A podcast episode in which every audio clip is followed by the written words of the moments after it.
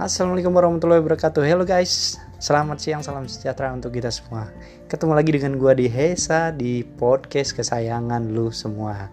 Podcast gue kali ini eh, Episodenya terkait dengan bagaimana Kita melakukan suatu interview yang efektif.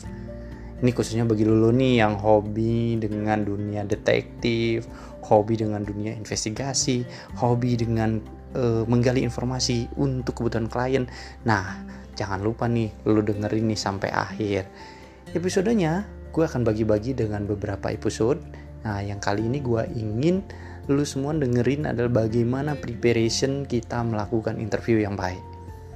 Tetap semangat ya guys, jangan lupa share ke teman-teman lu kalau ini bermanfaat untuk lu dan pengetahuan lu. Gimana sih sebenarnya teori dan aplikasinya? Interview yang baik. Nah, kali ini gue ingin bahas dulu nih, kalau lu ingin melakukan interview sebenarnya apa sih yang harus lu punya? Apakah lu harus menjadi seorang certified uh, interviewer atau lu harus menjadi seorang psikolog atau lu harus menjadi seorang uh, kriminolog? Enggak, enggak. Semua kita bisa menjadi seorang interviewer sepanjang kita memahami teknik-tekniknya. Dan biasanya nih yang paling mahir melakukan interview itu adalah orang-orang yang selalu belajar dari pengalaman. Oke, kita bicara karakteristiknya dulu. Kalau lu ingin jadi seorang wawancara yang baik, kalau lu ingin menggali informasi ke responden yang baik, maka lu harus punya nih beberapa kriteria atau karakteristik. Ya lu kalau nggak punya ini ya gue pikir lu akan susah untuk mendapatkan informasi penting dari seorang responden ataupun uh, suspicious interview yang lu lakuin, yang akan lu minta informasinya. Karakteristik pertama, lu harus mudah bergaul. Satu, mudah bergaul. Lu ukur dulu nih diri lu sekarang. Lu udah mudah bergaul nggak sama teman-teman? Lu orang tipikal orang yang pendiam, sendirian, nggak nyampur, nggak gaul, atau gimana? Nah itu, itu satu. Lu harus mudah bergaul dulu. Mudah bergaul itu bisa diukur ketika lu bertemu dengan orang banyak. Lu menjadi orang yang menyendiri atau lu bergabung dengan teman-teman lu dengan gaya lu dengan teknik lo sehingga lo bisa bergabung dengan teman-teman lo itu satu. Kedua lo harus punya sifat atau lo harus punya kemampuan gimana caranya membuat responden lo atau spesies yang lo wawancarain tadi mau berbagi informasi sama lo tentunya lo harus punya empati lo harus bisa mencairkan suasana. Ya nggak perlu lebay juga kali kalau lo mencairkan suasana ya. Nggak perlu ngejok yang berlebihan juga. Tapi paling tidak lo bisa membuat dia mempunyai chemistry untuk berbagi informasi sama lo oke. Yang ketiga lu jangan banyak interupsi tuh orang. Kalau dia lagi ngomong lu dengerin. Lu menjadi pendengar yang baik lu nggak banyak interupsi. Ketika ada sesuatu yang lu mulai mau tanyakan lu uh, timenya tepat gitulah jangan banyak interupsi keempat. Serius. Lu dengerin dia dengan serius. Ya tunjukkan dengan tatapan mata lo yang fokus yang lu serius mendengarkan dengan baik. Yang kelima jangan sekali-kali menyalahkan. Karena lu wawancara ini lu gak nyali salah dan benar tapi lu cari sebanyak-banyaknya informasi yang relevan. Jadi lu jangan sampai nyalahin respondennya ataupun suspiciousnya. Keenam lo harus punya schedule dan tepat waktu guys. Ya. Terus lo harus berpakaian yang rapi. Pakaian lo compang camping misalnya. Atau nggak sopan ya itu membuat orang menjadi resisten dan mungkin dia tidak akan menyampaikan informasi yang lu sangat-sangat butuhkan. Itu karakter pertama. Ya karakteristik seorang pewawancara yang baik.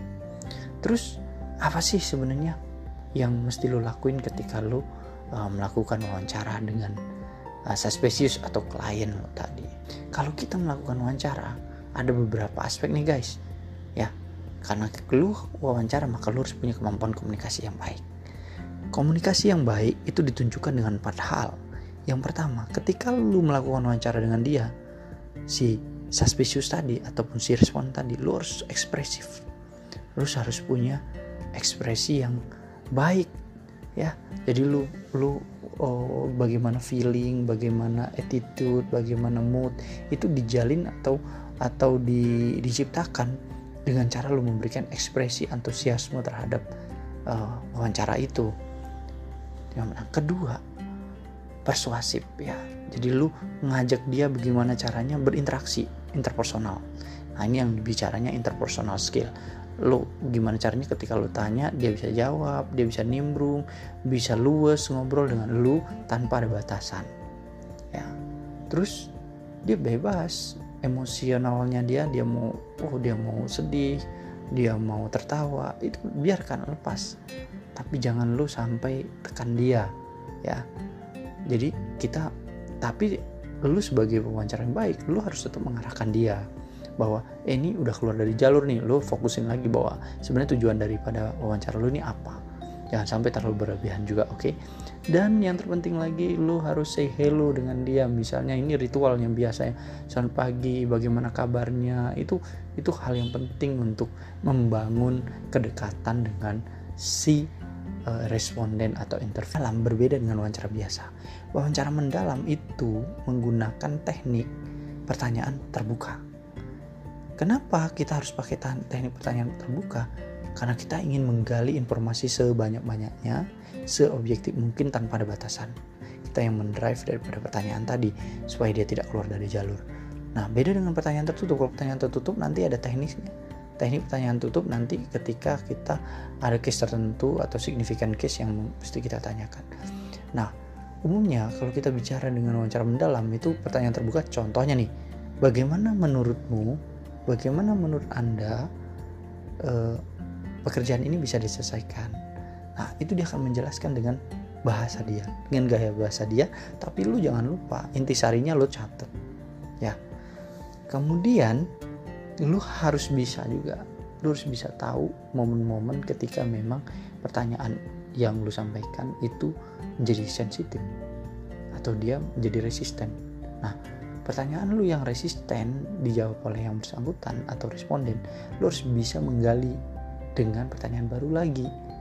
Biarkan dia uh, uh, biarkan dia dengan dengan resistennya dia tapi kita jangan sampai justru kelamaan di situ.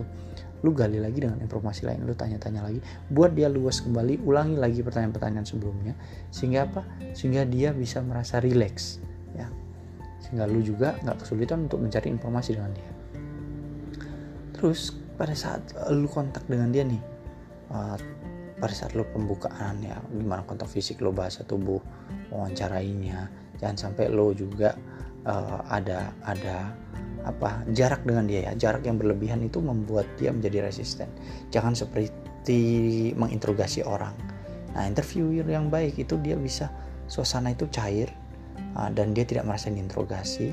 Semua dia ceritakan dan informasi itu uh, benar-benar kita dapatkan secara objektif Terus hal-hal yang sensitif tolong dihindari. Kalau lu lagi investigasi, jangan sampai-sampai keluar kata-kata investigasi dari mulut lo. Karena itu akan membuat dia merasa, wow, gue lagi investigasi nih guys.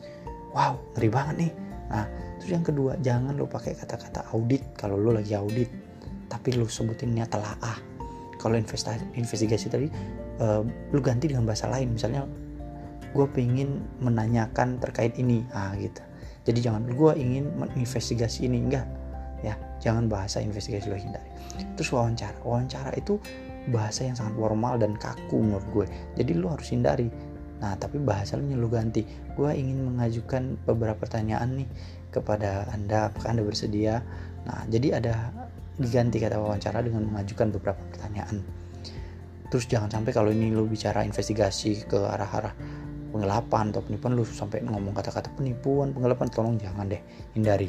Tapi lu ganti dengan kata-kata misalnya uh, terkait dengan uh, kekurangan dana ini uh, masalah kekurangan dana jadi jadi lu smoothing gitu lu nggak ngomong terkait dengan penggelapan dana ini ah itu itu kayaknya berat banget gitu bahasa itu dan bisa membuat responden kita menjadi resisten. Oke okay guys sampai di sini dulu episode pertama Nanti kita akan next, kita akan bahas bagaimana kita mengatasi responden-responden ataupun suspicious interview kita yang resisten. So, jangan lupa selalu stay tune dan dengarkan selalu podcast gue dan jangan lupa share ke teman-teman lo semua. Salam sehat.